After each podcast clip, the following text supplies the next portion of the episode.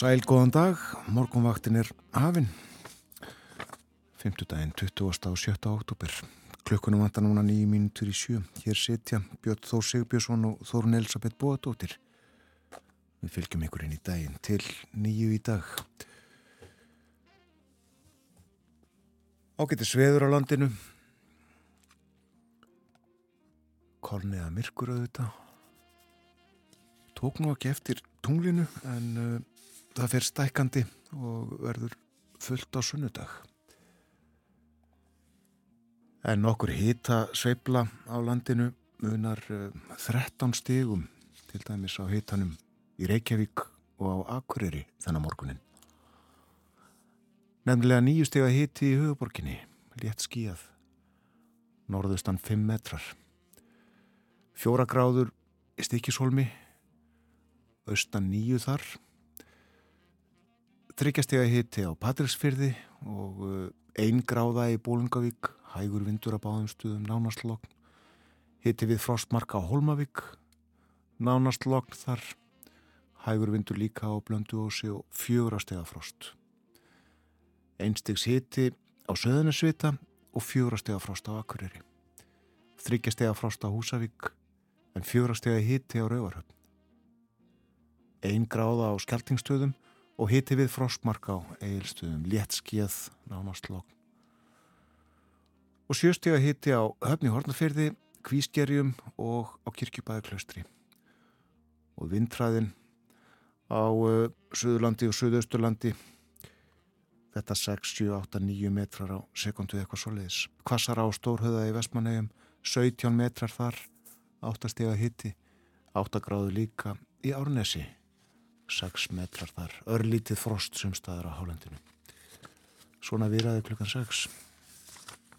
Og í dag verður austlæg átt, 3-10 metrar á sekundu en 8-15 siðst.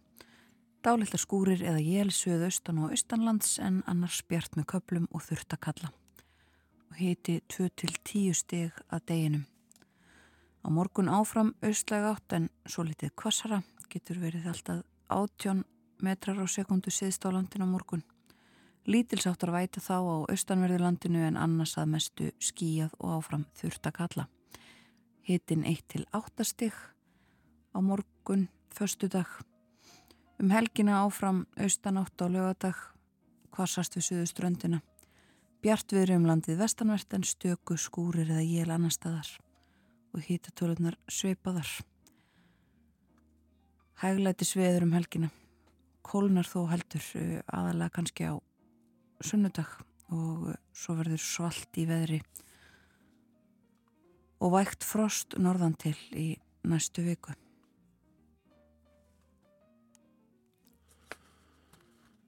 Að vegum landsins það er eh, hálka meirið að minna á öllu norðanverðu landinu. Það er að segja á heiðum og, og fjallögum og hálta verið heið til dæmis bröttubrekku á flestum fjallvegum af vestfjörðum og þeir eru nú margir. Og það er hálka á Vaskarði og Þverarfjalli og uh, hálka á Möðurdalsörafum hálku blettir annar staðar á Norðausturlandi og það er snjóþekja á mjóafyrðarhiði þetta eru tilkynningar frá vegagerðinni þannig morgunin og uh, enn eru járskjáltar að mælast á Reykjaneskaganum en uh, flestir, uh, lang, lang flestir minni en einn. En uh, einn og einn. Ögn sterkari 1,2, 1,3 1,8 raunar. Einn núna bara fyrir stundu. En almannavarnir lístu yfir óvissu stíi vegna þessar skjálta sem að verið hafa síðustu daga. Grönd við Nú, nú, uh, tal og tónar á morgumvaktinni í dag og uh, við setjum af stað fyrsta lag þátturins og uh, hér er komin Lúi Armstrong.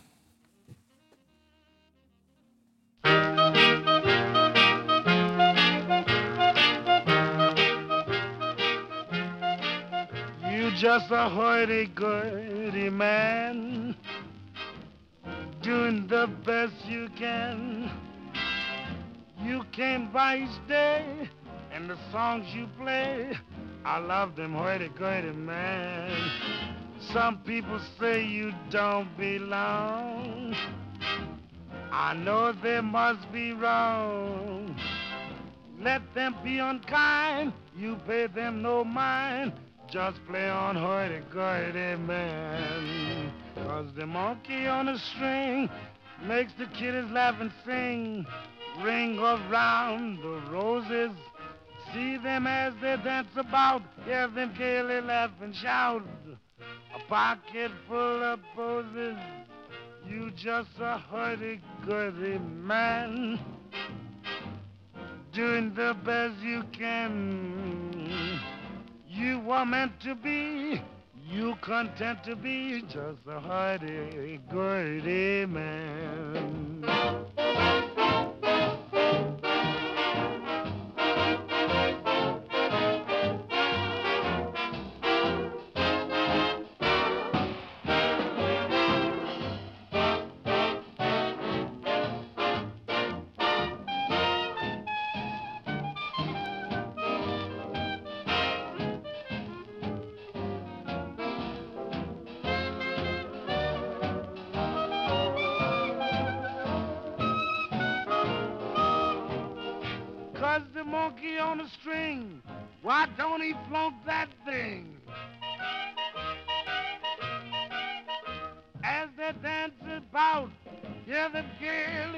Shout with pocket full of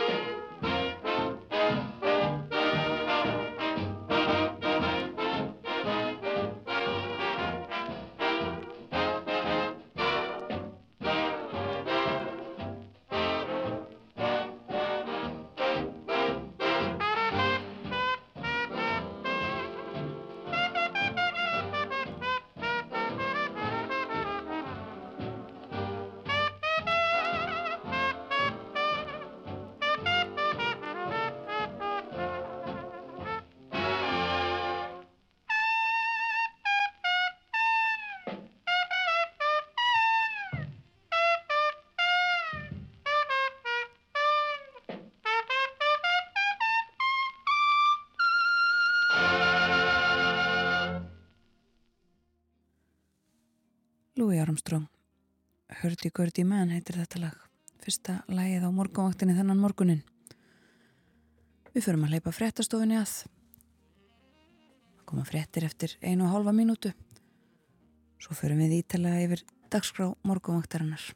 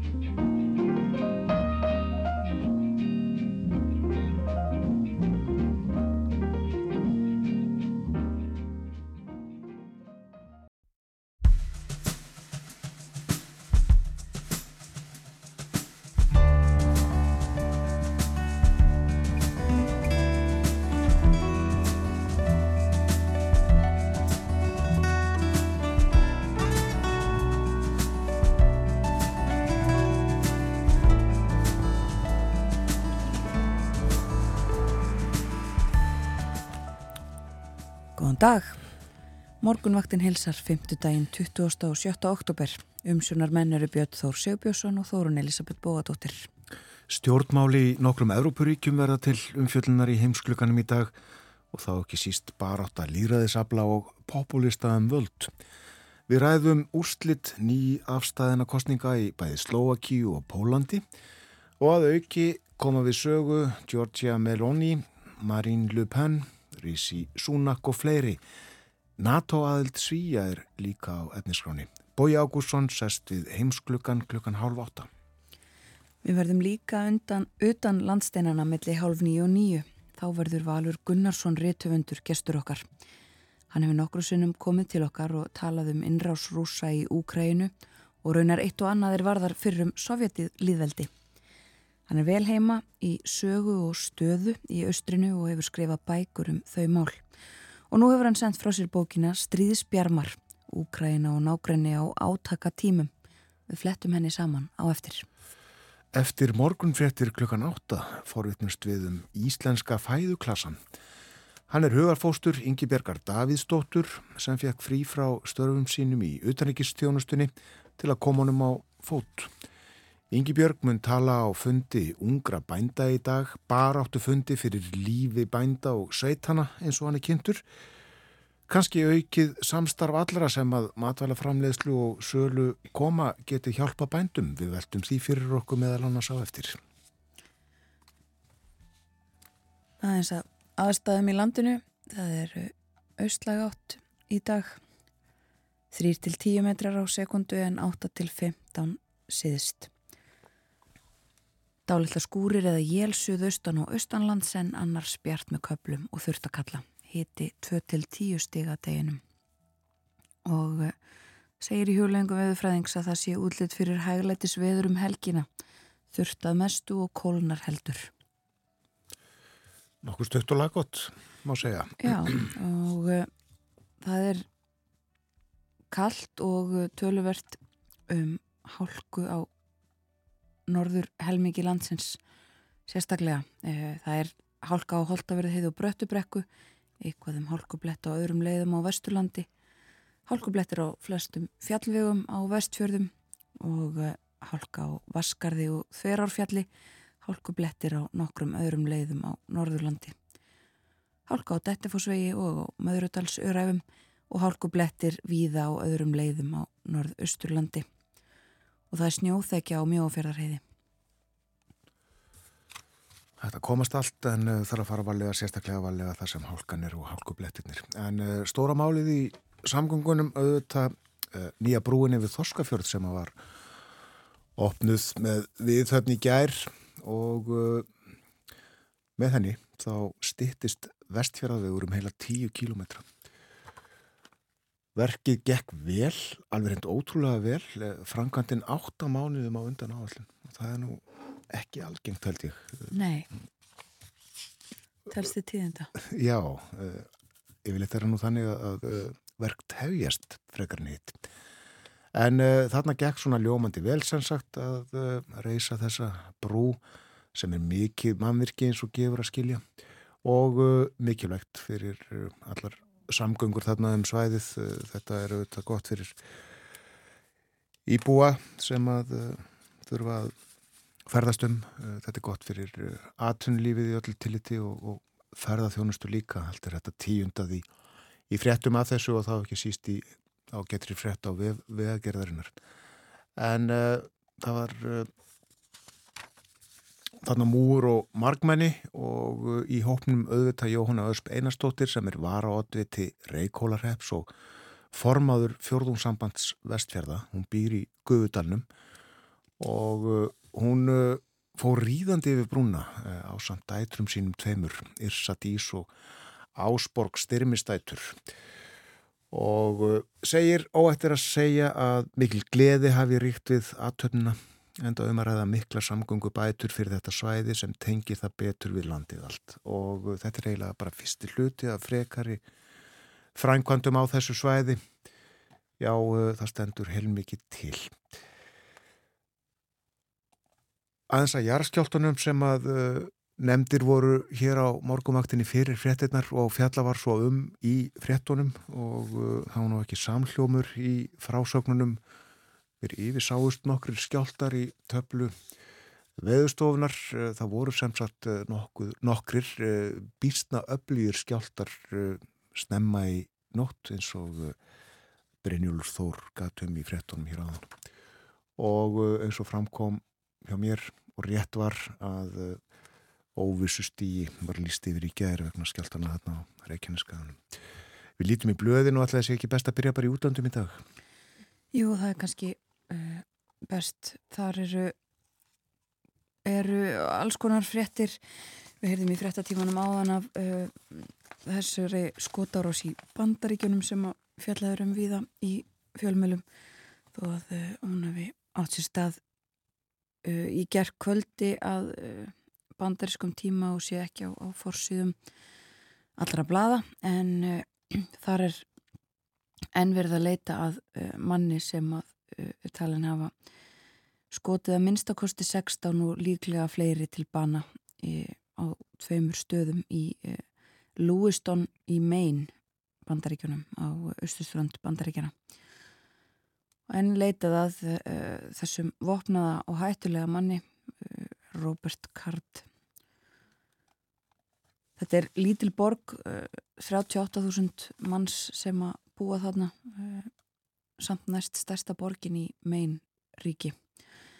En þessar frettir viða í morgunsáriði líka þær sem við heyrðum í frettunum áðan af uh, þessari hernaðar aðgerð Ísraels hers uh, inn á Gaza í nótt uh, segjast vera farnir þaðan aftur.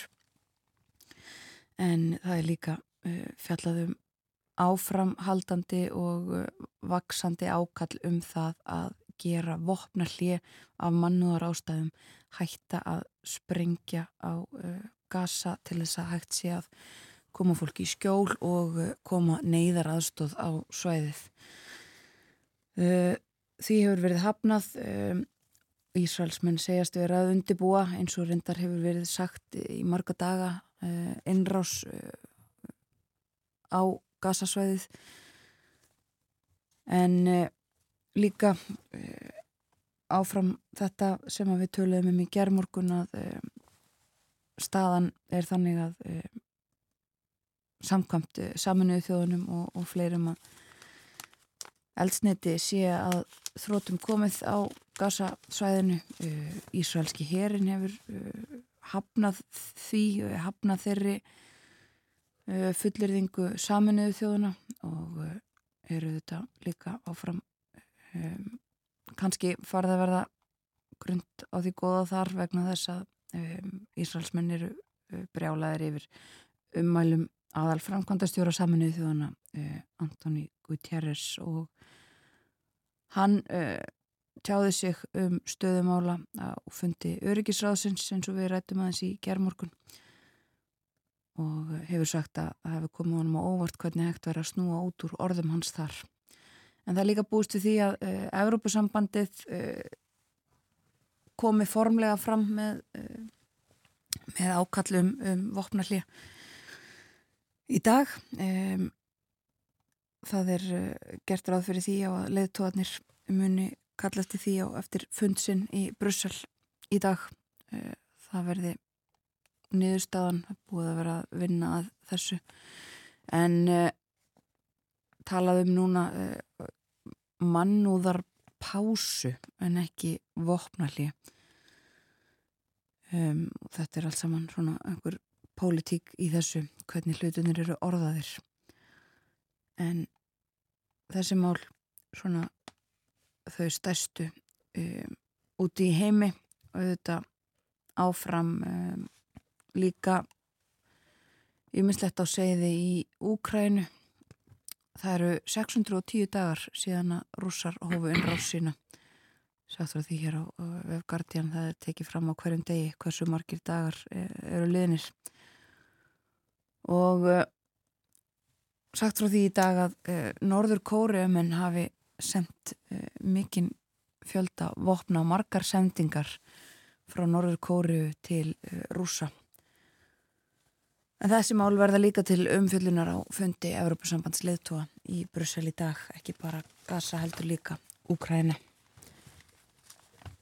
Segjum þetta gott í byli en uh, verðum þetta eins og við höfum nefnt í útlöndum í þættinum í dag. Bói Ágússon kemur á uh, morgunvaktina eftir um það byrju 15 mínútur eða svo, sest við heimsklukkan og svo ætlum við að tala um uh, Úkrænu meðal annars þegar að Valur Gunnarsson reytafundur verður með okkur í síðasta hlutu þáttarins. Já, kemur nýju bókina sína, hún er nýjútkomin, eh, útgáðið áur formlegur bara í síðustu viku held ég, Stríðsbjarmar, Úgræna og nágræni á átaka tím heitir bókin og Valur verður hér, já, hálf nýju.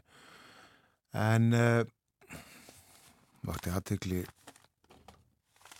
viðtal í Kiljunni í ger, uh, samtal Eils Helgasonar og Guðmundar Magnússonar sakfræðings en Guðmundur hefur skrifað bók um Friðrik Friðriksson, Sýra Friðrik og upplýsti þar að ja, fyrirlikur að Friðrik hann leitaði á og káaði á ungum dreng. Og uh, hann er nú áttræður í dag uh, þar hann byll viðkomandi og uh, Guðmundur átti við hann samtölum þetta og uh, skrifaði um þetta og saði frá í kiljunni í gerð og upp úr þessu verið unnar fréttir Fririk stofnaði UK og FM og, og Íhrútafélagin Val og Hauka. En uh, það má finna fréttum þetta á rúf.ris til dæmis og uh, þar má líka finna heitir það ekki hlekk á samtalið úr kilinni frá því í gerð en uh, morgunblæðið segir frá því á fórsíðu að uh, póstþjónustan á Íslandi sko ef ég skildar rétt þá er hún svo vesta í Evróp Já. og uh, bara með því vesta sem gerist í heiminum.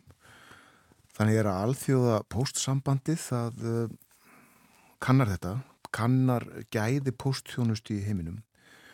Og flokkar þetta einhvern veginn uh, metur fjóra flokka, einn er áraðanleiki, annar er tenging við umheimin, þriði er uh, mikilvægi viðu samengi og uh, svo segla póstkerfa. Og niðurstaðan, póstþjónustan hér, svo vesta í Evrópu og uh, kemur fram að, að póstþjónusta eða, eða þjónustu stíði allavega betra eh, bæði í Londonu Tóko og Túvalú heldur hún á Íslandi. Það er líka fjallað um skemmtifæraskip á fórsíðu morgunblæðsins í dag en uh, verðtíð þeirra er lokið, nýlokið og uh, farþegafjöldi með skemmtifæraskipum fór í fyrsta sinn yfir 300.000 og uh, það er ímist að farþegarnir komi hinga til lands með skipunum og haldi með þeim út aftur eða að þeir komi flugliðana til Íslands og uh, fari hér um borði í skipin. Eða þá að syklingu þeir að ljúki hér og þeir fljúi heim með, með já, flugilum eins og, eins og maður gerir jefnum þegar maður flýgur. Venulegt fólk allavega. En uh, ítaleg umfjöllunum uh, skemmtifæraskipin í uh, morgunblæðinu í dag. Uh, Forsýðu myndin tekin í heðmörki gær þar sem að uh, krakkar í ferðarfélagi Barnana sem er deild í ferðarfélagi Íslands held ég uh, komu saman og uh, það í tilefnið af rekjavökunni sem er í næstu viku. Því undri byggu rekjavökunna föndruðu þar rekjavöku skraut og ímislegt og settust svo við varðveld og nötu lífsins held ég með að segja. Og hér í blá lokinn, það er eh, fjallaðum netarósir í morgunblæðinu í dag.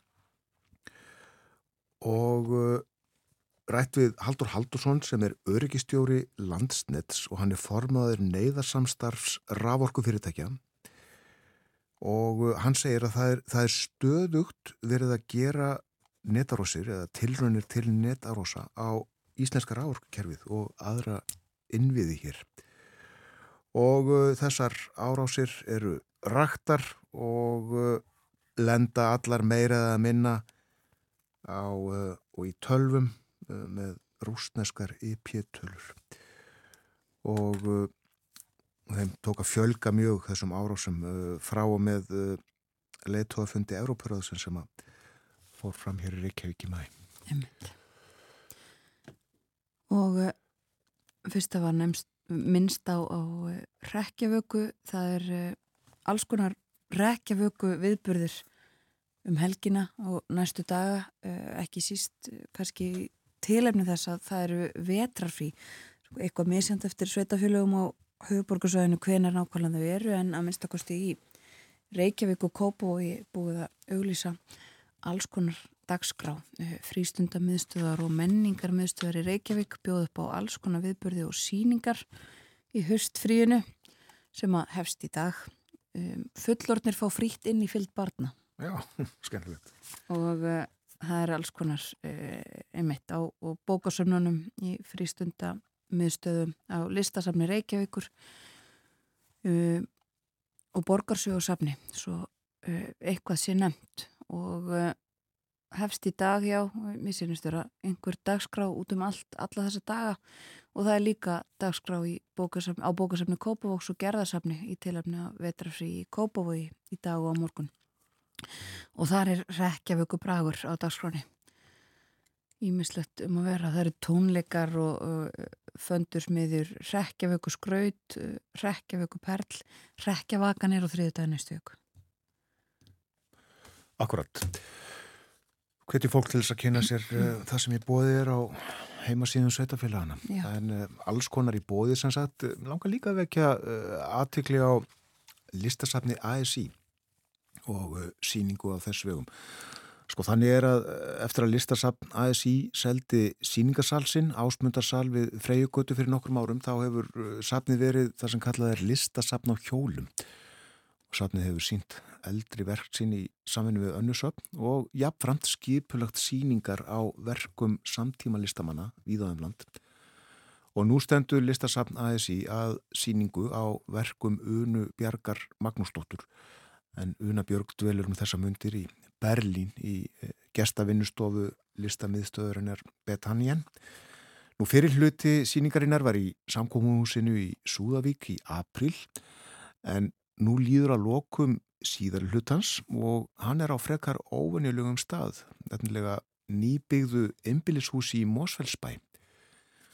E, Svekull Silfur Ljómi er yfirskrift síningarinnar og henni er líst svona Sýningin byrtist okkur í rými sem er algjörlega nýtt, skuggalöst í þeim skilningi að hér hefur ekkert gerst áður Hornhúsins eru skörp en munum í kjast og rúnast í fyllingu tímas og áfram heldur lýsingin. En niðurlægið það er svona, þessi síning verður alltaf fyrsta lag húsins á undan svepplausum nótum, hrúum af foti og fermingavislum og brátt kemur innrétting, gólvefni, heimilistæki og aðrar nöðsinjar til að skapa heimili hér var aldrei síning.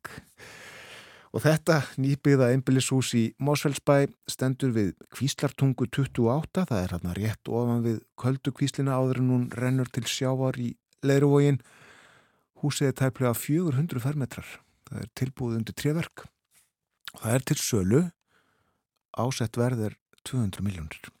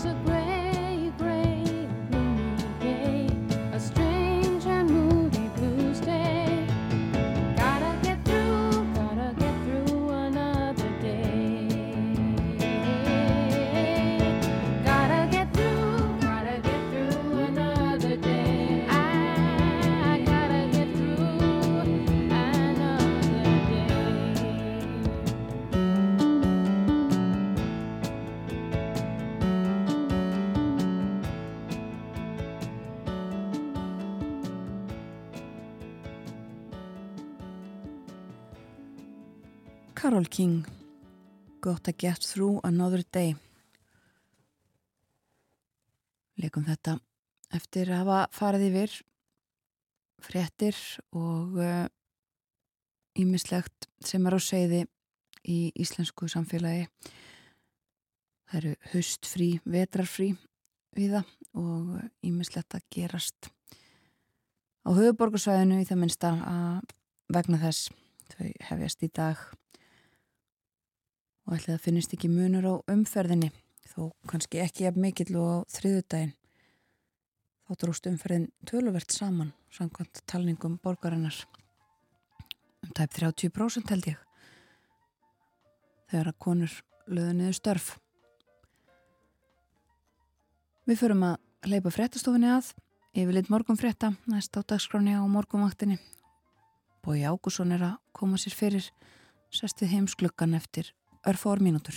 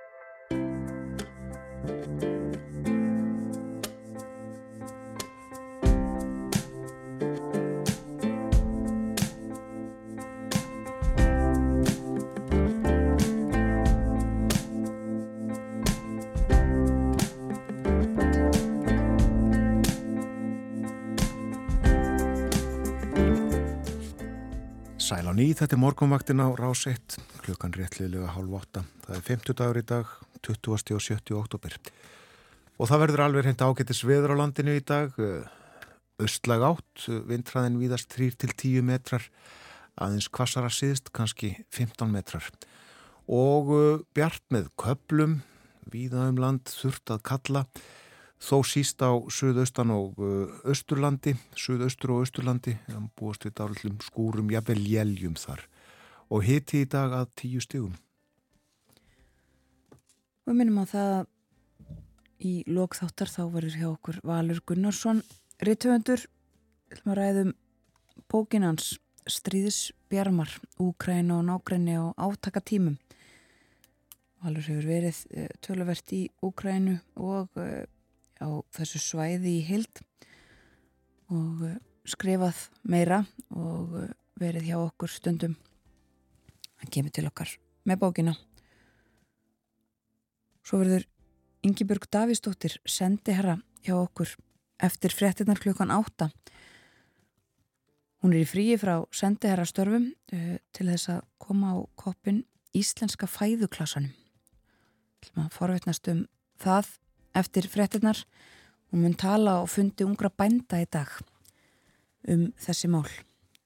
En uh, nú eins og eðulega klukkan rúmlega halv åtta á 50. morgnum er sestur við heimsklukkan Bói Ágússon. Góðan dag. Góðan dag. Við ætlum að byrja á uh, pólitík. Já, svona velta fyrir okkur átökunum á milli populisma og líðaðisafla sem að eiga sér stað raunverulega um allan heim. Við bara byrjum í, í Argentínu þar sem að uh, mikil hægri maður eða svona það sem að heitir sko libertarian á, á, á uh, allþjóða tungumálum maður sem að heitir uh, Javier Milei er í fórstaframbóði og það voru fórstakostningar um síðustu helgi fyrir umferð og hann verður sem sagt í frambóði vegna þess að hann var annað tvekja sem fengur flest atkvæði.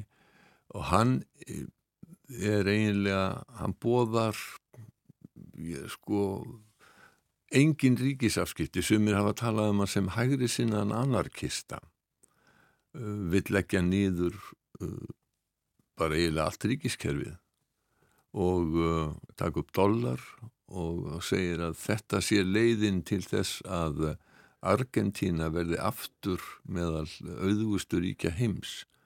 Við höfum einhver tíma minnst á þetta áður en Argentína var um aldamóti 1900 meðal held ég fimm auðvustu ríkja heims. Síðan efnaðarsaga Argentínu síðustu hundrað árið að svo hefur verið einn samfelt skelving og núna er verðbólka þar 140%.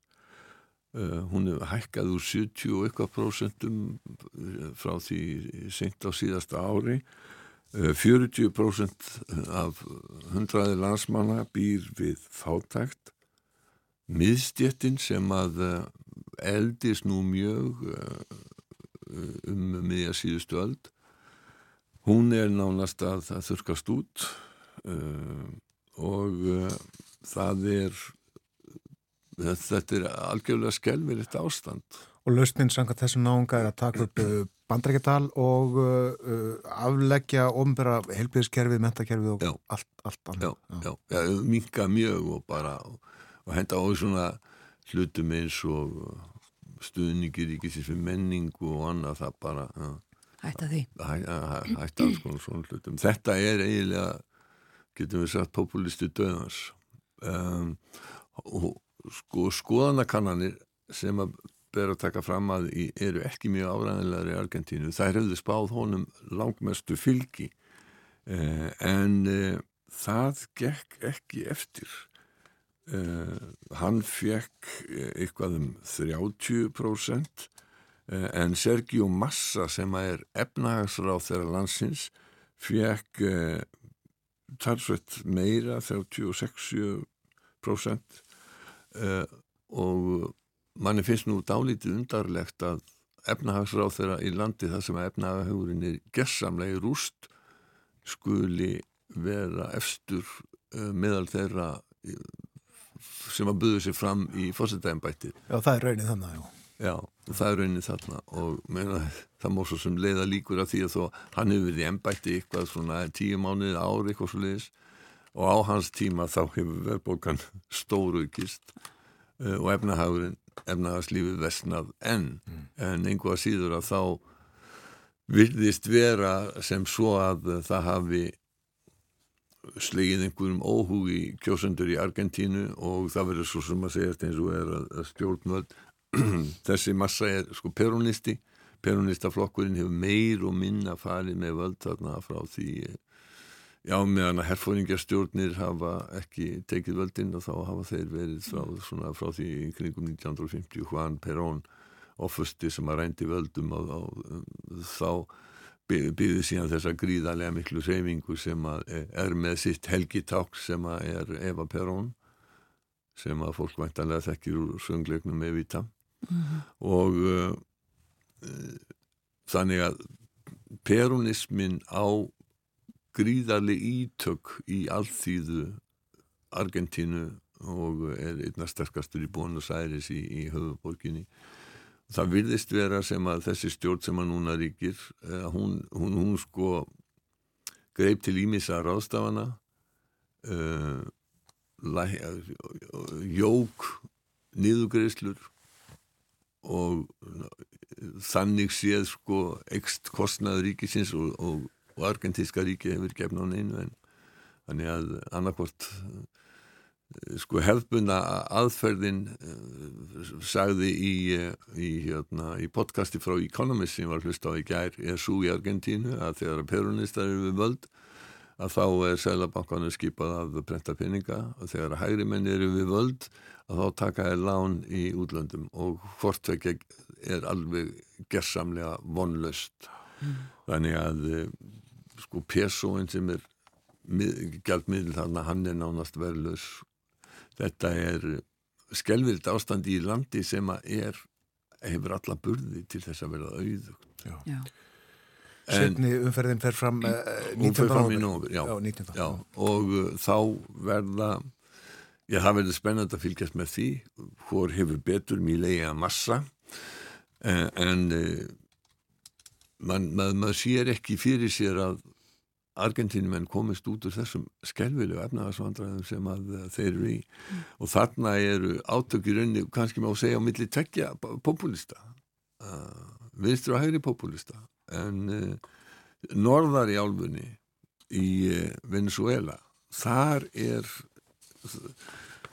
Venezuela hefur nú verið talsið umræð á Íslandi ekki síst vegna þess fjölda fólk sem hefur sótt um landvist á Íslandi sem er frá Venezuela -hmm. sko það er búa eftir í Venezuela núna cirka 28 miljónir manna að því að talið er og það eru tæplega 8 miljónir sem hafa flúið landið frá því árið 2014 það er sko fjörðungur þjóðarinnar sem hefur uh, flúið úr landi. Langflestir 85% eru í uh, grannlöndunum í Rómansku Ameríku, Suður Ameríku, Mið-Ameríku og í þjóðum á, uh, Karibahafinu en allmargir hafa leitað til bandaríkjana sömulegis og svo eins og við þekkjum uh, hafa einhver par þúsund komið til Íslands. Og um, í síðustu viku að þá eða þar síðustu viku og þá gerði stjórnar anstaðan uh, og ríkistjórn Maduros samkómulag um það að það er því eftir kostninga og líðræði er því svona virkt, það hefur ekki verið það.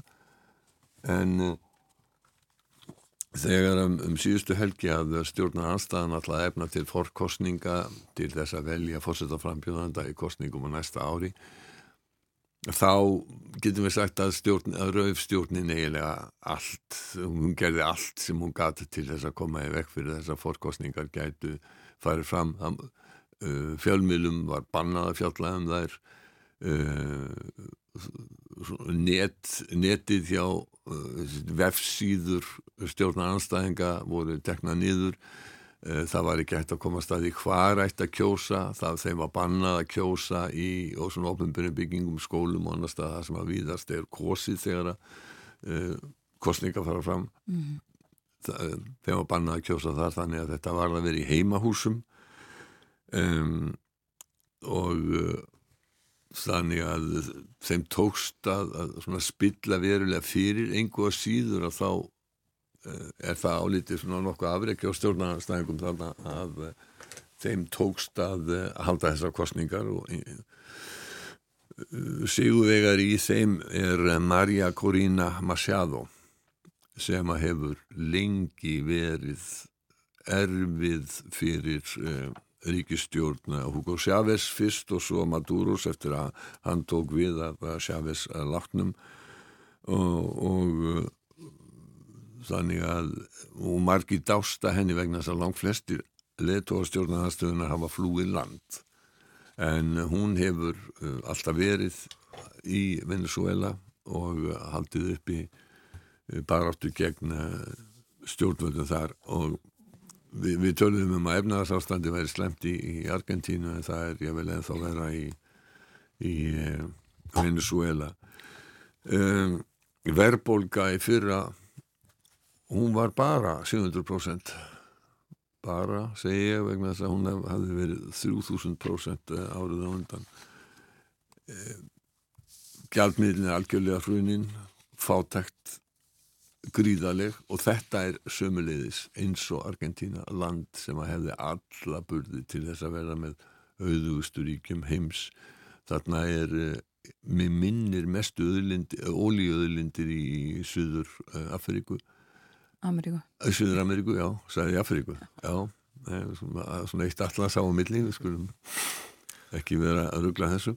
Eh, og þetta land ætti að, að geta verið með með svona lífskjör á borði það sem að þekkist í þeim okkar heimsluta eh, því miður að þá hefur uh, það ekki sko. Ef við færum okkur þá til Evrópu þegar við verum að tala um baráttu populista og uh, og uh, líðræðisabla sem ég leiði mig bara fullir það var kannski smá viðkomi í bandaríkjanum vegna þess að þar var verið að kjósa loksins eftir þrjálfíkur tókst republikonum í fulltrúa til eh, bandaríkjana þar er nú hérna einn populista fylkingin sem að sem að, e, sko, ég veit ekki þau eru að gera bandaríkin og bandarísk líðra eða allægi e, fyrir e, hvernig þeir haga sér. Og þar er það Trump-liðið, Trump er náttúrulega pái, aðisti pái allar populista.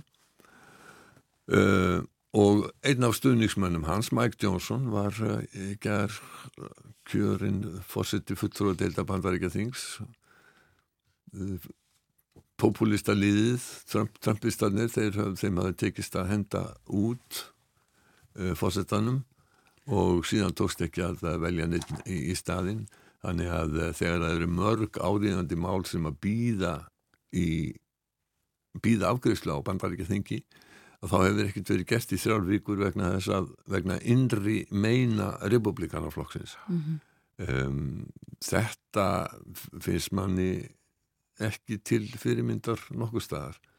Og þessi Mike Johnson hann er nú já, við skulum segja það hann er harðu stuðnismæður Trumps, hann greiti atkvæði gegn því að fulltróðadeildin staðfesti kjör uh, Joe Bidens. uh, og hann er í þeim flokki fólks sem heldur því fram að þetta hafi verið svindl og svínar í kostningarnar 2020 uh, þurfum við að segja eitthvað meira um þann hann Færum okkur þá Já, þá skulum við færa okkur já. Við höfum heyrt aðeins meira um kostningarnar í Pólandi og Slovakíu heldur en uh, þessar í Suður Ameríku. Já, við hefum gert það, eðli málsins samkvæmt. Og uh, Roberto Ficu tók við sem fósættis á þeirra uh, Slovakíu nú í þessari viku og hann er svona erki bópulisti og uh, kostningarnar í Slovakíu þær innkendust mjög af uh, ráng fréttum getum við sagt upplýsinga óreiðu þar sem að mikið varum uh, lígafréttir og uh, staðhæfingar sem hefur ekki, ekki staðir unnveruleikanum uh, og það var svo sem uppi líka í Pólandi en ekki jafn ábyrgandi og, og það var í uh, Slovakíu en sem sé Fitsó þessum uh, hægri sinna populista tókst að Eh, afla sér stuðningstækjanar flokka þannig að hann eh, verður þeirra og fer á fund uh, eh, Európusambands leittója í Brussel í dag þar sem að meðal annars verður rætt um aðstúð og stuðning við Úkrænu uh, Fitso hefur líst yfir því að Slovakia ætli sér ekki að taka þátt í því að styðja Úkrænu lengur. Hann er sem sagt þarna hefur Viktor Orban fórsættis á þeirra Ungverðinlands eignast tryggan bandamann. Og það má svo sem segja sko út af fyrir sig spyrja af hverju lætur Evropasambandi það viðgangast að menni eins og Orban og Fylsjó núna og polska stjórnin fram að þessu hundsi reglugerðir og skilir því fyrir því að vera í Evropasambandinu af hverju þeir einfallega ger ekki, ger ekki eitthvað til þess að, að koma viti fyrir þessa þjóðir. Þá má segja sem sé segja að uh, tæki Európa-sambandi til þess eru mjög takmarku. Uh, Európa-sambandi, sko þú veist, þegar, þegar ríki uppvill ekki lengur skilir þess að ganga inn í Európa-sambandi af því að þau breyta þeim eftir að þau komin inn, þá getur Európa-sambandi óskuplítið gert. Já. En... en þá geta þjóðurna kannski gert eitthvað og það gerðu pólverjar því að uh, þeim uh, já, þeir, þeir feldu uh, stjórnina og það er ekki búið að mynda stjórn en það búist við því að Donald Tusk takist að mynda stjórn og, og verða fórsættis á þeirra bólaðans á ný. Já. Og snúi við þá vonandi, það verður kannski ekki sérstaklega auðvelt, snúi við ymsum breytingum sem að gamla stjórnum var búin að gera á svona kerfinu í Pólandi, dómskerfinu og uh, fjölmiðlum. Já. Pólska ríkisjónvarpið og pólsku ríkisfjölmiðlanir hafði ekki verið, voru orðnir ekkert annað heldur en málpípa ríkistjórnarinnar og uh, það þarf bara hreinsa út mjög rækilega og úr dómskerfinu sömulegis þeir byggu til einhvern aðsta stjórnlega dómstól sem er skipaður einungis stuðningsmönnum stjórnaflokksins fyrirverandi og þetta það þarf ekki endilega að vera auðvelta að losna við þetta. Og svo verður að geta þessa Andrei Duda fósiti uh, getur beitt uh, neitunarvaldi ákveðinu leiti og hann er eh, stuðningsmaður eða tengdur lögum rétt að því, já. Já, hann, hann var bara, hann er flokksmaður það, sko. En, við, já. Já, við, við höfum nokkra mínútur, við getum auðvitað að tala um, um, um fleira fólk, fleira leðtúa í eh, Evrópu. Já, mér langar nefnilega aðeins að reyna að skjóta því að við ætlum að tala um Sví á NATO uh, og þar stendur það nú eiginlega upp á uh, ungverja vegna þess að uh, svo virðist sem að Erdogan Tyrklandsfósiti hafi samþygt eh, aðeins við, hann er búin að senda uh, staðfestingu til uh, afgriðslu í Tyrkneska þinginu og þar með virðist uh, sá björnuninn og þá er það ungverðir eftir og Viktor Orbán og þeir hafa nú raunin að líst yfir að þeir ætla ekki verða síðasta þjóðin til þess að staðfesta engungu svíja þannig að líklega ganga svíjar inn í, í, inn í NATO já hugsanlega á þessu ári þeir eru að tala um að kannski fái þeir þetta í jólagjöf. Já, einmitt. En svo er sko, tveir fórsættisráðurar uh, sem að núna eiga ársvalda afmæli það er Rissi Súnak í Breitlandi sem að stendur mjög illa. Og í gær að þá samþykti þingið neðri, málstofa breska þingsins að uh, Peter Bone uh, ylði sparkað út úr þinginu í einhverjar vikur fyrir brot á síðareglum þingsins. Og það var enn einu sinni enn einn íhalsþingmaðurinn sem að lendir í því að uh, gerast fjöldþrifin og uh, uh, brauð ímislegt hann var, var svo leiðis læði, læði starfsmanni einelti sömulegis mikill brexitisti og, og mjög harður maður nú er honum hendt út og það gæti leitt til þess að það er það kjósa að það er aukakostningar í hans kjördæmi. Þá er það tíundu aukakostningarnar á valdatíma Rísi Súnags og íhalsflokkunni við tapar nánast öllum þeirra uh, en uh, og þannig að það er ekki, ekki, ekki mjög góðu tíðindi. Uh, síðan annar fórsættisráð þeirra og það var nú kona sem var talinn hérna framalegi flokki populista Giorgia Meloni fórsættisráþara í Ítalju og menn óttuðust mjög hvað er þeim utanriki stefnuna þegar hún væri tekin við. Og hún hefur hins vegar ekki reynst populíski í utanrikismálum vegna þess að það var óttast að hún myndi fjandskapast út í Evrópusambandi og NATO og vingast við rúsa það hefur ekki gerst.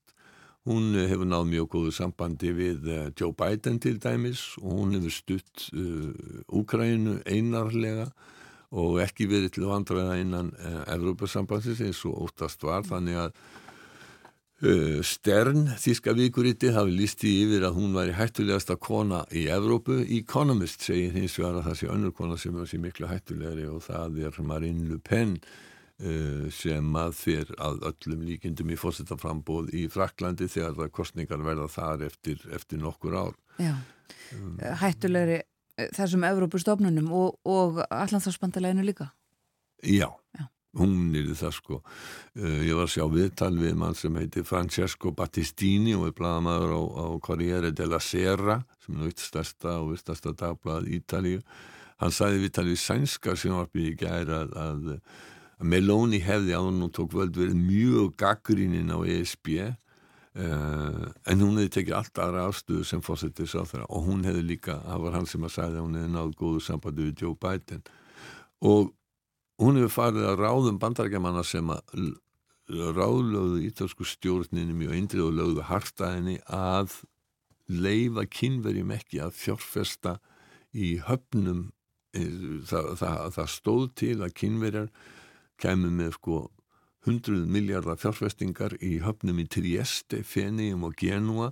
Þetta er svona partur af því sem að kynverðar hafa verið að gera á undanfjöldum árum að fjárfesta í ýmsum ríkjum, í innviðum ýmisa ríkja og þetta hefur reynst mörgum ríkjum sérstaklega í Asi og Afríku mjög hættulegt vegna þess að kynverðin er rána fyrir þessu og svo uh, geta ríkin ekki borgað og þá er, er, er, er allt í voða Já. en sem sagt Meloni hún, hún uh, hætti við þetta og uh, Laura Carpanetto sem er professor í stjórnmálufræði við háskólanni í Genua hún sagði að Ítalir hefðu látið glepjast að fagur gala kynverja uh, en og Evropasambandi hefði frekar átt að koma að þessu en sem sagt Meloni hún hefur ákveðið það að, að, að rifta þessu sam, þessari samvinnu við, við, við kynverina Við komumst ekki mikið lengra. Takk fyrir í dag, Bói Ágússon. Takk sem leiðis.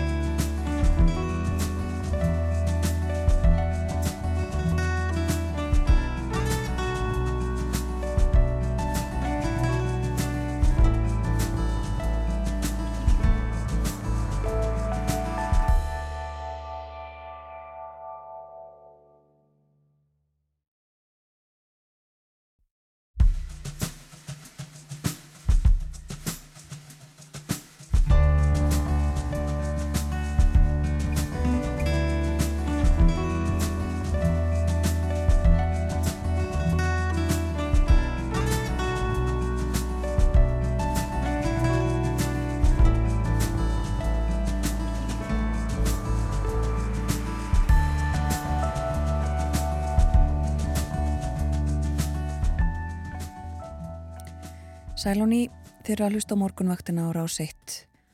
Morgun fréttin er að baki og klukkan tæpar 6 mínútur gengin í nýju. Það er 50 dagur í dag, 20. og 7. oktober. Hér fyrir fréttinnar var hjá okkur Bói Ágússon, settist við heimsklukkan og eh, rætti um stjórnmála ástandið og stöðumála víða, bæði í Suður Ameríku og eh, aðeins í Bandaríkjónum og í Evrópu. Tölum líka stuttlega um NATO aðild, Allandsafs bandalags aðild uh, Svíja. Verðist sem að uh, það sé eitthvað að gerast í þeim málum. Erdogan Tyrklandsfórseti búin að senda einn uh, frumvart til staðfestingar uh, aðildar þeirra í Tyrkneska þingið. Og þá standa ungverjar eftir og eh, við minnum á það að í síðasta hlutu þáttarins þá ræðum við um uh, Úkrænu og uh, nærlegjandi lönd. Valú Gunnarsson Ritthöfundur hefur sendt frá sér bók, aðra bók sem heitir Stríðsbjarmar. Fjallar um Úkrænu á stríðstímum, átakatímum. Það verður upp úr klukkan hálf nýju sem að Valur kemur til okkar. En nú að öðru. Já Ungir bændur eru með bökum hildar þessa dagana og uh, reyndar ekki bara ungir bændur heldur eldri líka. Það er hart í ári, verðbólgan og vextinnir hafa leikið bændur grátt eins og svo marga aðra. En ungi bændur efna í dag til fundar, baráttu fundar, það sem krafist er launa fyrir líf. Laun fyrir lífi ungra bænda og lífi íslenskra sveita er yfirskrift fundarins sem haldin er í salnum í Kópavogi, stendur frá 1 til 4. Á mælindaskrá eru áttabændur og að auki hagfræðiprofessor við Háskóla Íslands, frankatastjóri samtaka fyrirtækja í landbúnaði og Ingi Björg Davidsdóttir, sendiherra og aflvaki íslenska fæðuklassans. Ingi Björg er komin í þátti, velkomin til okkur á morgunvaktina. Takk fyrir. Já, þú ert að koma íslenska fæðuklassanum á fót og allir að sé ekki best að byrja á að byrja því að útskýra hvað þetta er eh, þetta fyrir bara í klasi, hvað er klasi? Klasi er svona hérna eh, starfsemi sem að eh, fyrirtæki, einstaklingar og frumkvælar koma saman til þess að skapa meiri verðmæti sem er að fara í sagt, sömu átt.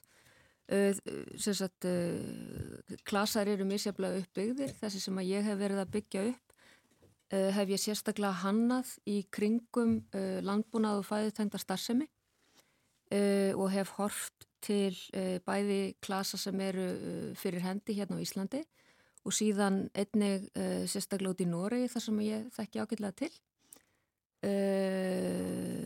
og við þekkjum hér á sjáortisklasan til dæmis? Já, við þekkjum sjáarklasan, ferðarklasan, orkuklasan, svo eru svona þyrpingar sem ekki kalla sér klasa eins og orkidea, blámi, eimur, eigló, uh, svona sem eru, og gleipnir sem eru svona landsluta-tengt fyrirbæri sem að vinna sérstaklega að til dæmis eins og Uh, bara til dæmis Blámi hann sérst, á vestfjörðum hann er til dæmis sérstaklega að uh, uh, horfir sérstaklega á hérna ringrásarhagkerfið og hafið og, og þar umkring þetta er svona tengt þessi klasa sem eru landsbyggða tengdir þeir eru kannski horfa meira inn á við hjá hverjum landsluta fyrir sig.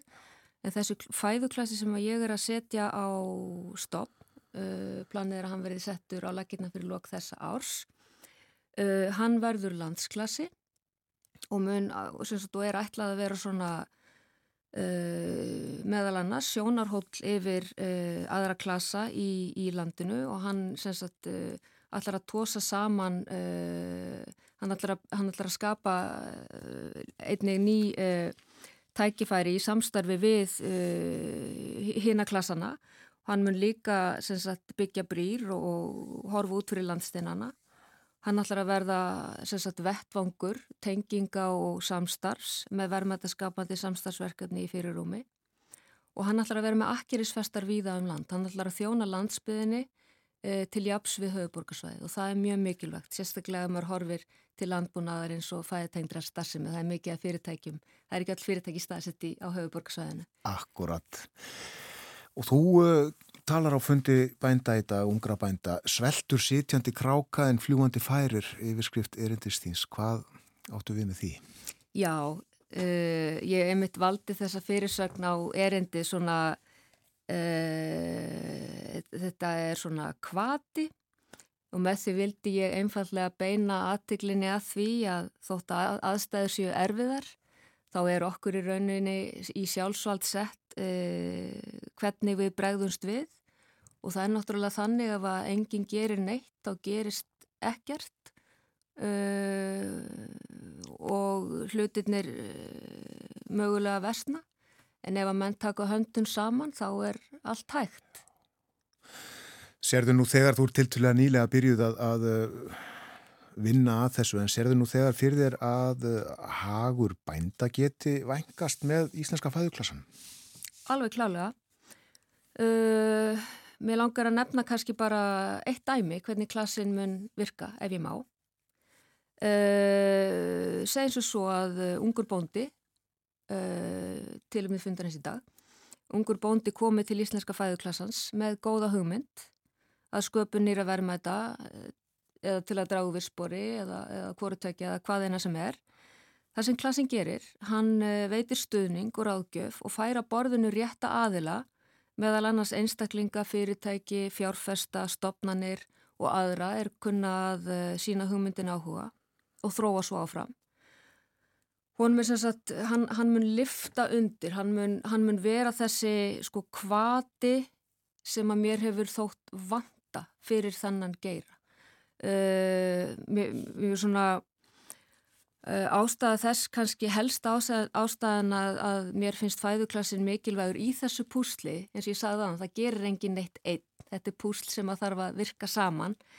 Mér hefur þótt vanta hvetjandi vettvang fyrir landbúrað og fæðutendastarsimi sem er settur upp á viðskiptalögum fórsöndum, ekki sem hagsmunarsamtök, heldur á viðskiptalögum fórsöndum til að koma góðum verðmætti skamandi hugmyndum í réttan farveg með hvata ráðgjöf og stuðningi og þannig skapa verðmætti. Já, já. Hefur þér uh, eh, vist vanta svona, getur við sagt hvað, viðskipta element í landbúnaðin á Íslandi? Það vantar kannski ekki viðskipta elementið en það vantar hvatan og stuðningin og ráðgjöfina. Það er fullt af góðum hugmyndum hann úti, alveg hellingur. En það er ekki nóg að fá góða hugmynd. Þú þart að hafa eitthvað farveg sem þú getur sett hann í og þessi klasi mun hjálpa til við það. Hann er til dæmis, það er til dæmis sko, sem dæmi í landbúnaðunum og við tökum aftur sjáarútveginn sem dæmi áðurinn í ferinni þar sem ég ætla að segja. Uh, þar höfum við náð mjög góðri fullvinnslu í fiskinum, að nánast allt unnið. í landbúnaðinum er hægt að fullvinna miklu meira og þessi klasi getur hjálpað til við það. Með því jafnframt að dragurvist spori uh, eh, hveti til þess að hætta urðun eða eigða afurðum uh, og þannig tikka inn í, í sjálfbarnina og ringrásarkaðkerfið enn betur. Já. Ingi Björg, uh, þú hefur starfað í auðverkistjónustunni tæpan aldar fjörðung held ég, var síðast sendið herra okkar í Ósló, hefur starfað líka í Lundunum, Genf, Vínaborg og svo hér á Íslandi. Hvers vegna er þú að standi þessu? Já, það er stóra spurningin. Sko, ég hérna bakgrunnurinn minn, ég er, ég er sveitabann. Ég er hérna, ég er í grunninn sveitabann úr, úr hérna borgarferði Vesturlandi. Fór sex ára gummil í heimavist og, og ræturna mínar eru uh, djúpar á landsbyðinni og svona í, í um það leiti eða kannski talsvert áður en að ég kom heim frá sendarastörum í Oslo var farin að kvikna þessi hérna já mikla elja innra með mér að, að leggja lóð á vogarskálanar hérna heima uh, til þess að hérna Uh, já, leggja mitt lóð á vogaskólana til þess að reyna að koma hlutunum á betri stað fyrir landbúnaðan og fæði tengdra starf sem ég, ég sógast að landsbyðinni. Það er raun og veru, ég er að leifa,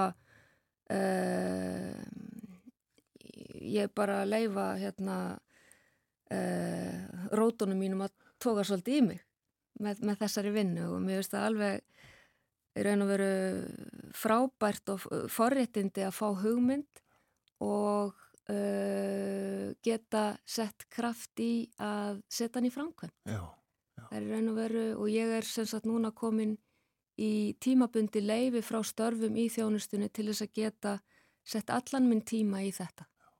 Er að því að, að fara aftur í utryggjastjónustuna? Ég er ekki tætt. Ég er hérna, ég tök bara einu ákvörðin í einu. Ég er í tímabundi leifi núna og, og hérna svo kemur bara í ljós hvað verður. Einmitt. Þú uh, þekki vel til víðaðum heim uh, og varst eins og þú sagðir og við nefndum uh, síðast sendið hér að í Nóri. Er, er uh, landbúnaðurinn í góðu lægi þar? Uh, landbúnaðurinn á mjög víða erfitt uppdráttar en uh, svona, hvað ég er að segja, Uh, umhverfið í kringum landbúnaðin í Noregi er það er miklu meiri samstaða um landbúnaðin í Noregi og þeir eru til dæmis mjög langt komnir í, í fullvinnslu hliðarafurða. Þar getum við tekið okkur ímisletti fyrirmyndar. Þeir eru komnir mjög langt í hérna svona átagsverkefnum innan klasasamvinu eins og ég er að setja og laginnar hérna og ég hef einmitt eh, svona það er ímislegt í uppsetningu íslenska fæðuklassan sem að ég hef fyrirmynd frá Nóri þannig að við getum ímislegt eh, lært af þeim en þeir geta líka lært af okkur já. þeim sem sviðum Einmitt, já, já, það er eins og það er. En uh, já, þessi fundur í salnum í Kópói í dag uh, sem að ungir bændur uh, efna til, þeir hafa með sér samtök, samtök ungra bænda mm. og þungkljóði fólki út af stöðinni, lánin hækka og tekjurnar kannski minga en, en svona almennt, hvernig finnst þér svona stemningin í samfélaginu hér gagvart landbúnaði? Sko, mér eh, finnst uh, það er hérna flókið að svara þessar spurningu. Uh, sko, staðan er þung, starfskilir þið bænda er erfið og nýliðin í stjættin er á undanhaldi. Það er, það er sko að hluta til fólks flótt úr sveitum. Þannig að sko, glemdi nú að nefna það hérna áðan. En sko, það er ekki síst byggðarsjónamið. Uh, sem að líkur líka til grundular þess að ég er að, reyna, er að setja þennan klasa á stofn. Uh, það, ég menna það er sótt að greinunum mörgum áttum og ég þeirra skoðunar hún, hún ætti að eiga sér miklu fleiri öfluga málsvara. Ég menna við viljum all hafa blómlegt lífi sveitunum en, en eins og ég mun segja hérna á fundunum í dag, en til þess þarf laun fyrir lífi. Já, bændur uh, margir hverjir, sumir allavega já, uh, virðasmanni bara uh, bísna barðir eftir barning síðustu ára ára töða. Já, það er bara, þetta er hundarvitt. Já. En það eru tækifæri þarna, þú, það þú eru tækifæri, það eru tækifæri í öllum áskurunum og uh, þessi fæðuklassi, uh, hann er, vil ég meina, mikilvægur hlekkur í púslinu. Já. Takk að þið fyrir að vera með okkur hér á morgunvaktinni. Takk fyrir mig. Ingi-Björg Davidsdóttir eh, er að setja á fótu íslenska fæðuklassan og segi frá honum á fundi ungra bænda í salnum í Kópói í dag þar eins og áður saði tala margir einir áttabændur uh, hérna og þaðan af landinu. Og uh, fleiri flytja þar líka erindi. Laun fyrir lífi ungra bænda og lífi íslensklar sveita þetta er yfirskrift fundarins í salnum. Það var sungið, dansað og kist Þegar augun þín áttu mig fyrst skalf og hristi sig. Hvernig úr skubbanum fannstu mig? Eins og þú fór ég í ferðalag.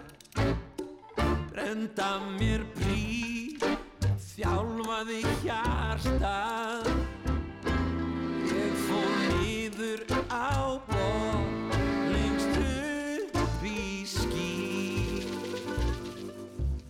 Endur fættist aftur og aftur á ný?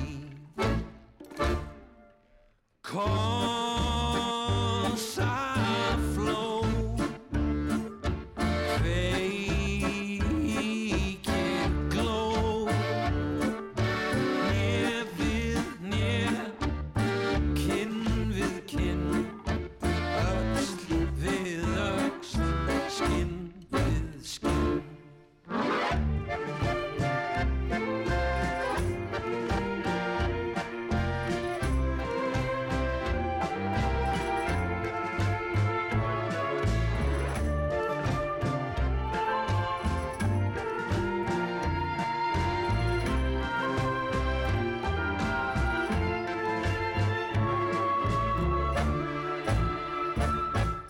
Það skilur mig.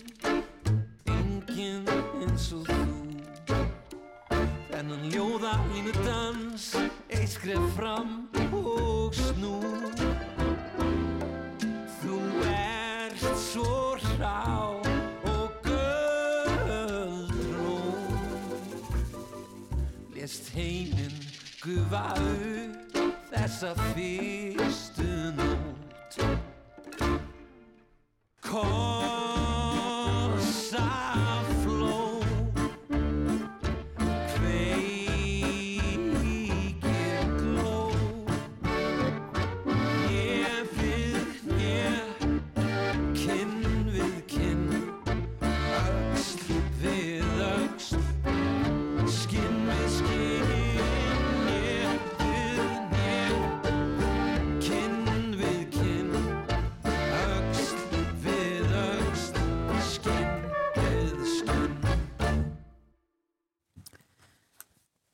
Kossaflóð heitir þetta lag, eh, nýtt lag frá Múkísson, Erni Elias Guðmundssoni. Ný plata sem hann gaf út í september. Ég út að mýja heitur hún. Og uh,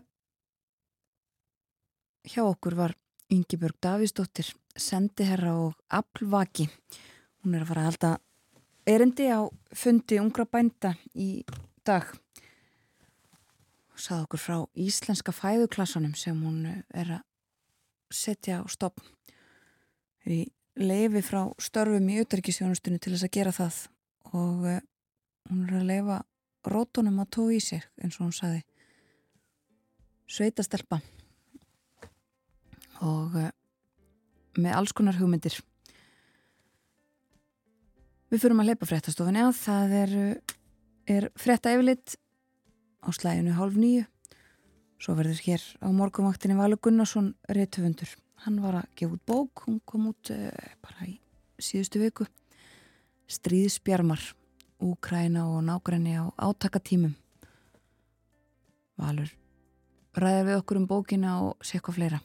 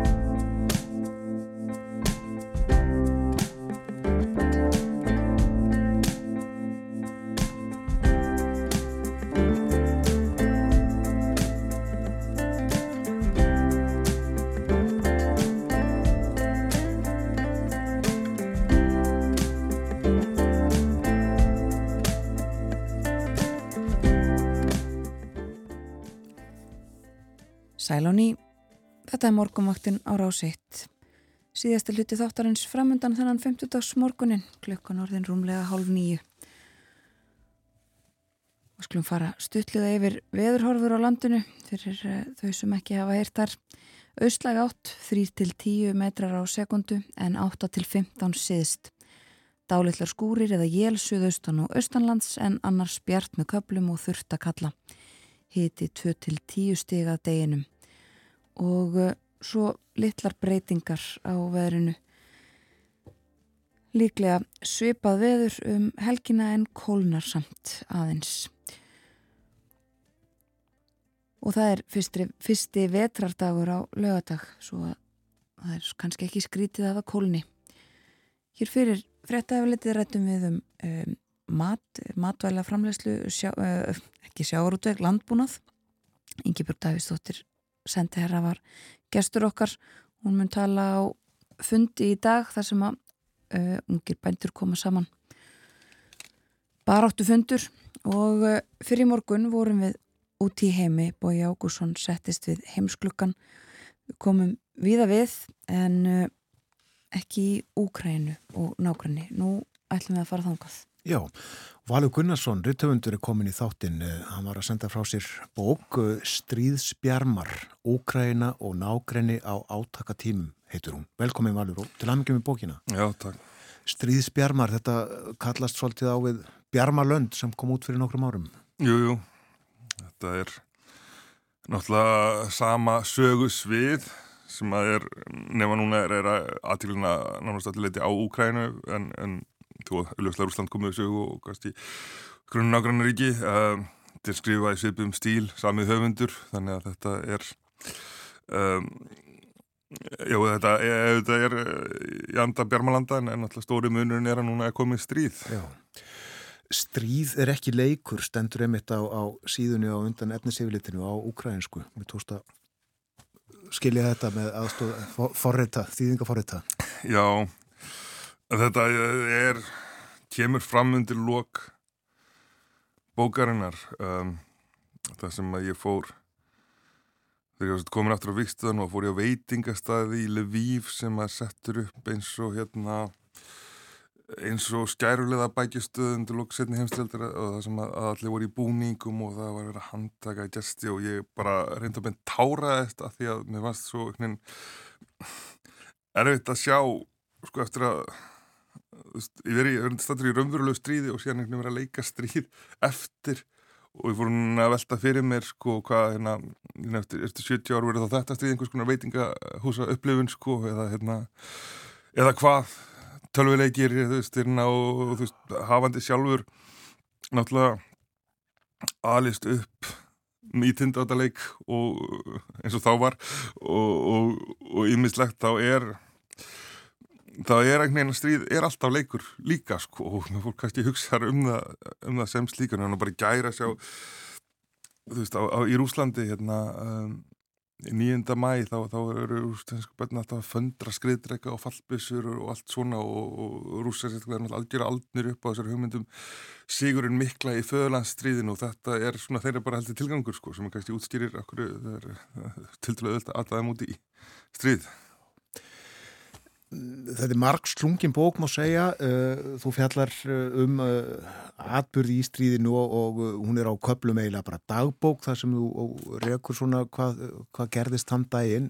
En þú fer líka aftur í tíman, langt aftur í tíman til 862 til dæmis en líka aftur til Nóaflóðsin sem var nú öllu fyrr.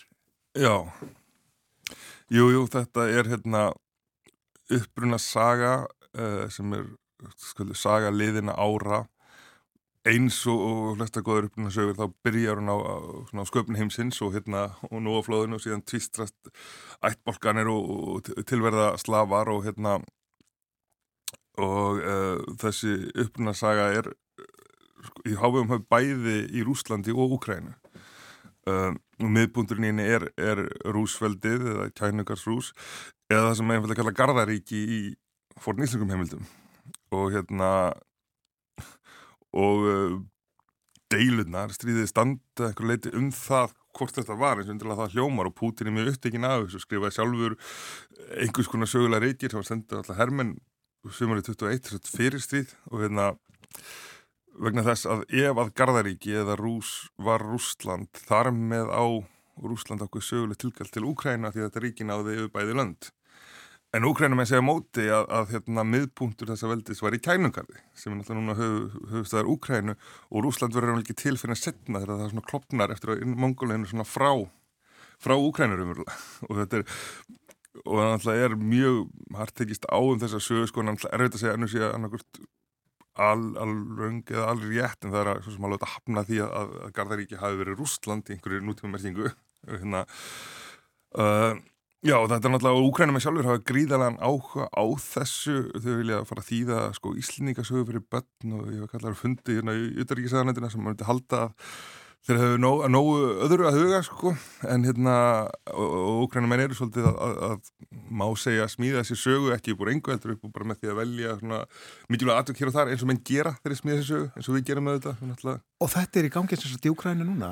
Já og þetta er það sem er svolítið svo áhugavert að því að þetta er sko flestar þjóðir í einhvern nútíma merkingu örðu til á 19. öld og kjálfar fyrir heimstyrjaldar og það er á meðal Ísland og Norrlöndin og, og flest Östra-Európaríki en, þarna náttúrulega var allt frist undir Sovjetríkunum í 70 ár þannig að það er svolítið verið að halda áfram þarna við að, að, að mynda sér þjóð. Putin hefur umlað hraða þessari vinnu rosalega mikið því núna eru allir úkrænum en saminæðið meira minna og þeir sem eru rúsneskum alveg í austuhjörunum eru eila mestu úkrænum enni núna vegna það eru þeir sem eru að bera hittan og þungana af innvæmsni. Þannig að það er úrfæðlega merkjöld að bara fylgjast með um þjóð í mótun og, og þeir viðbyrju sem er að gerast núna munur auðvitað vera stór partur af síðan að þjóðarsögunni næstu þúsundarin. Já, Já af því að við tölum um söguna, þú reyðjar upp fræg umæli sem að fjallu svona við, við lók Bellamúsins, þá að tala um endalók sögunar.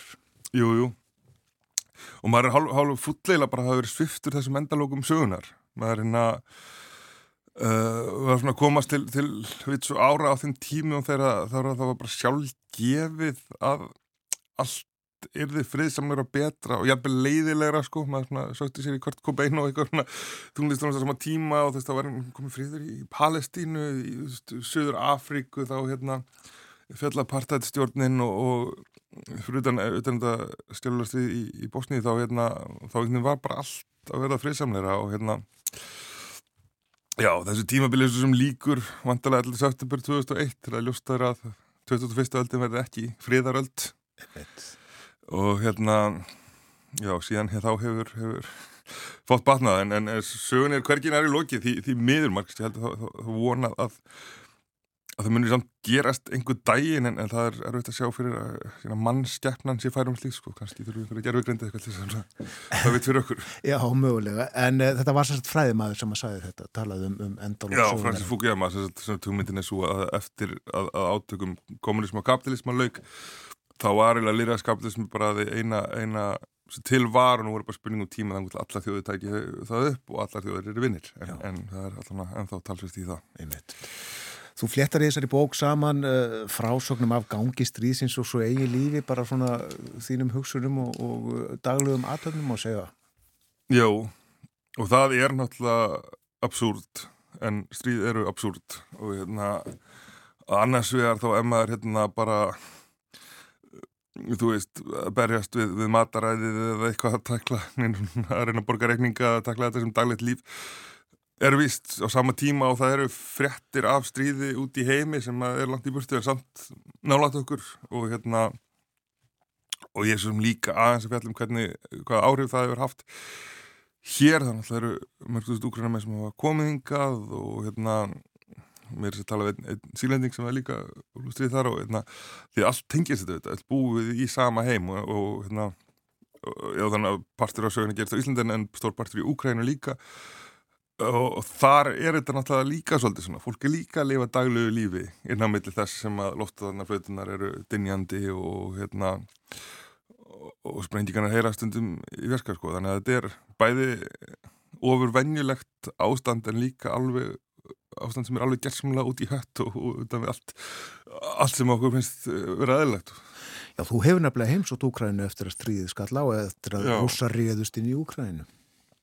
Einmitt, já, já, ég fór þarna sinum uh, Berti Gunnarssoni uh, er 2022 og aftur 2023 ferðaðist um hérna Úkrænu eða þverja endilanga frá vestasta hlutanum sem er ekki einu svona útgöngubann yfir í austasta hlutan sem allur sundur skotin og hérna já og, og, og mest í kýf sem er tiltvöla eðlega en þó náttúrulega finnum maður fyrir stríðinu og hérna undir bæði skiptin þá, þá fór ég, ég er alltaf leiði kynntist hérna uh, manni sem heitir Harry og er eistneskur og hann tók þetta mjög til sín og um þessi dagi áðurna stríðið hóft þá vissi hann hvað myndi vera að gerast og hann uh, hætti vinnunni sem hann hafi einhver sölumæður og gekk mjög vel uh, fórnaði hjónabandinu og fór bara að búin að vera alltaf gott síðan að sapna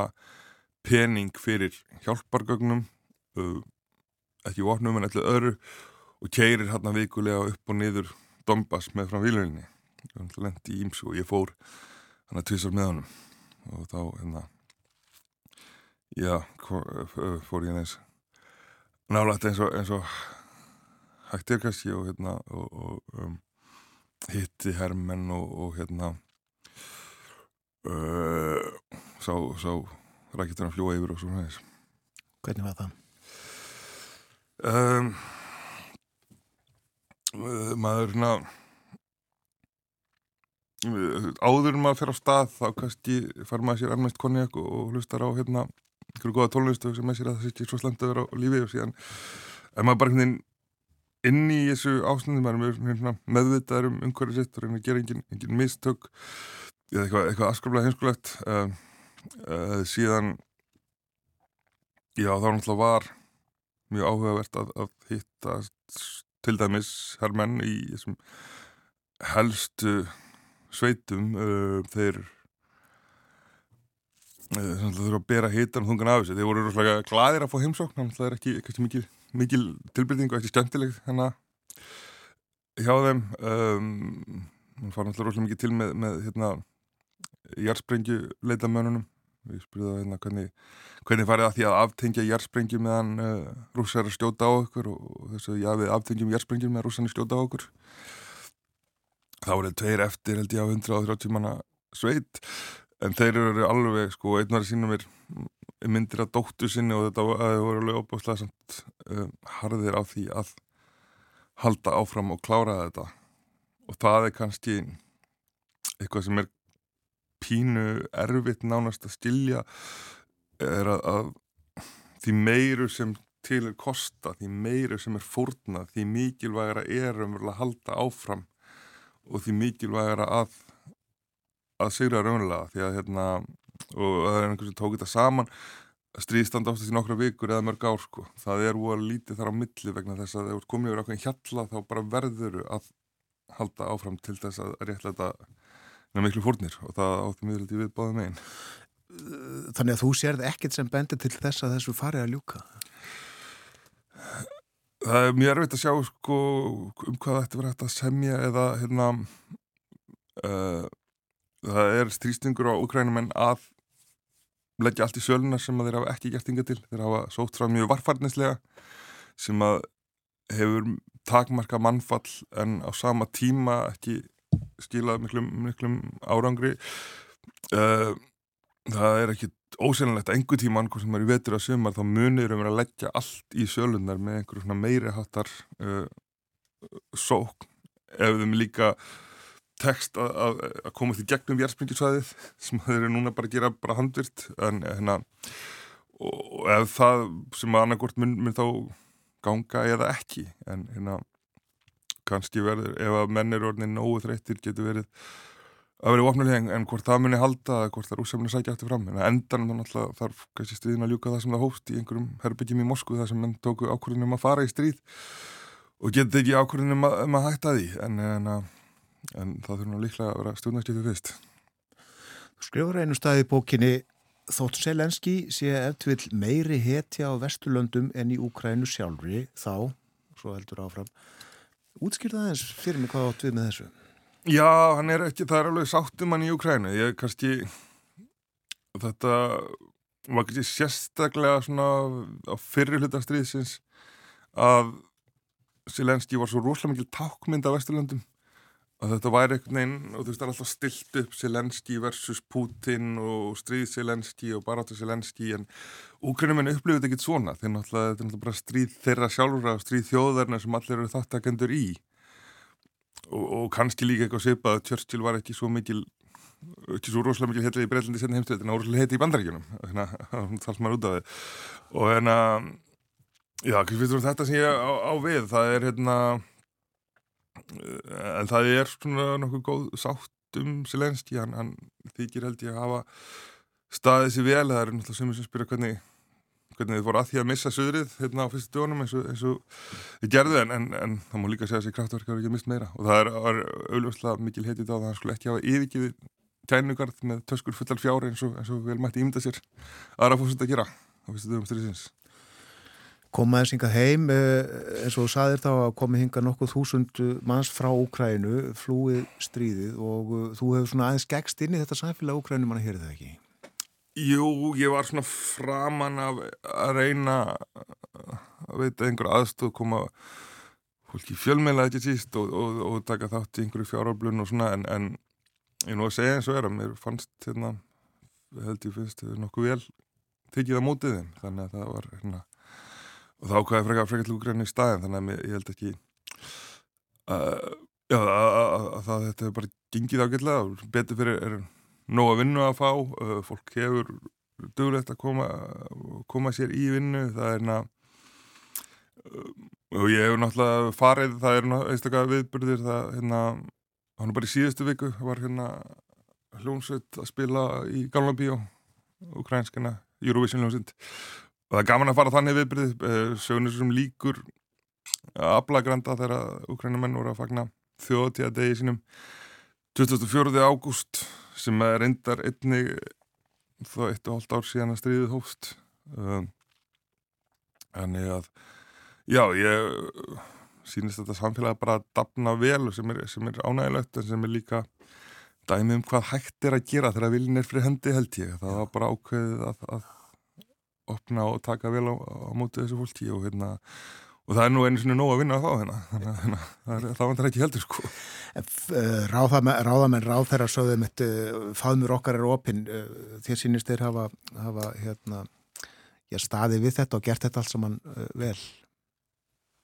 Já, ég held að það, sumir fóru náttúrulega frekar fljóðlega tilbaka því að þessum fyrstu dögum og vikum þá vissi enginn hvað myndi gerast hvort öll úkruna myndi falla kæningarður síðan þegar komið ljósa þérna að uh, kíum myndi, myndi standa þá fóru þó nokkrir heim uh, aðrir er eftir en, en Náttúrulega er komin til að vera en, en maður vona líka að þegar að endanum kemur að uppbyggingu, endur uppbyggingu Úkrænu og að þá muni fólk líka geta farið aftur heim með, með hérna, nýja reynslu og nýja þekkingu því að það er ju þannig oft sem að hérna, framtróðin verður þegar hérna, og Úkrænumenn fengið mér meiri reynslu af, af, af vestendum að Europa heldur en þeir hafðu áður. Já.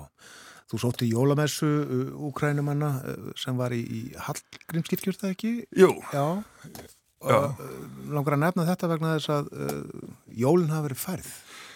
Já, uh, orthodox jólinn eru haldinn, þessi jóladagur 7. desember vegna þess að þeir fara ennþá eftir gamla júlíanska dagatalinu sem var notað á keisaраtímanum og er svona töm veikum á eftir okkar og þannig að kirkjólun eru þarna og síðan eftir áramót 14. januar Januar, já, jólun í januar.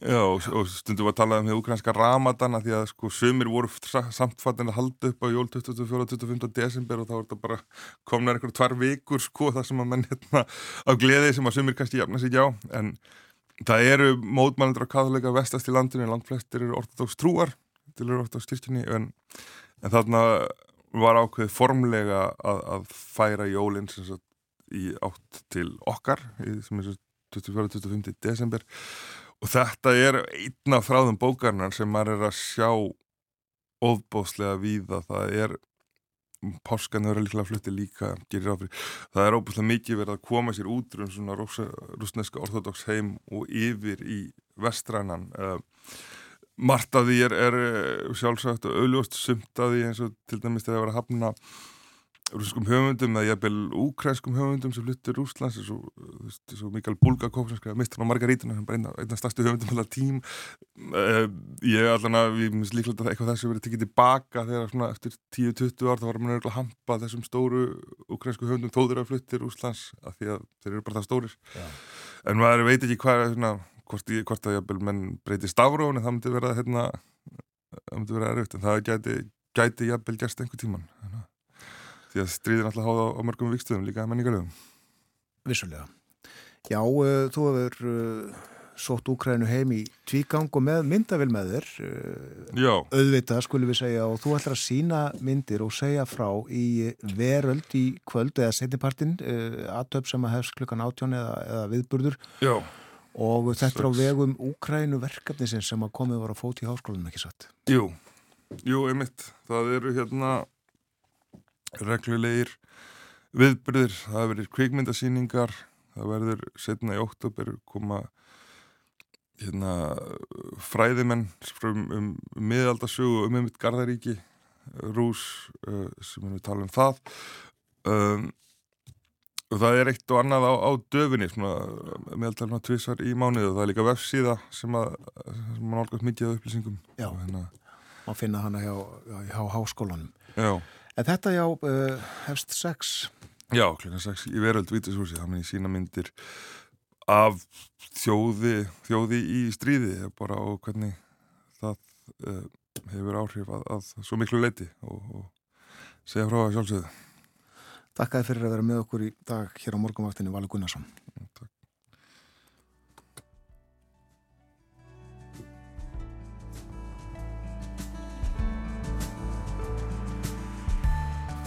Klukkan er nú alveg að verða nýju og komið að loka morgunvaktarinnar í dag. Eh, hér með okkur nú síðast Valur Gunnarsson eh, en eh, áðun Ingi Björg Davidsdóttir sendi herra, sendi herra í leifi, hún er að koma á fót íslenska fæðuklasanum og saða okkur frá því og eftir og hún sér ímist tækifæri í því starfi sem að það verður til með tengslum og öðru fyrir eh, bændur sem að bera sig illa þessa dagana. Það er harti ári hjá þeim.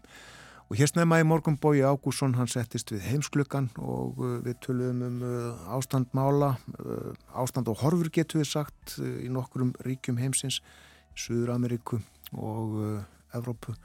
Og svo töluðum við líka aðeins um uh, nýja þingfósettan í bandaríkjunum. Þeim tókst loksins að, að koma sér saman um þingfósetta republikonunum en uh, morgumvaktin verður ekki lengri í dag. Við verðum hér á okkar staði í fyrramáli bjóðum góðan dag þegar klukkuna vantar tíu mínutur í sjö. Björn Þóru Þórun Elisabeth þakka samfélgina í dag. Njóti dagsins og verðið sæl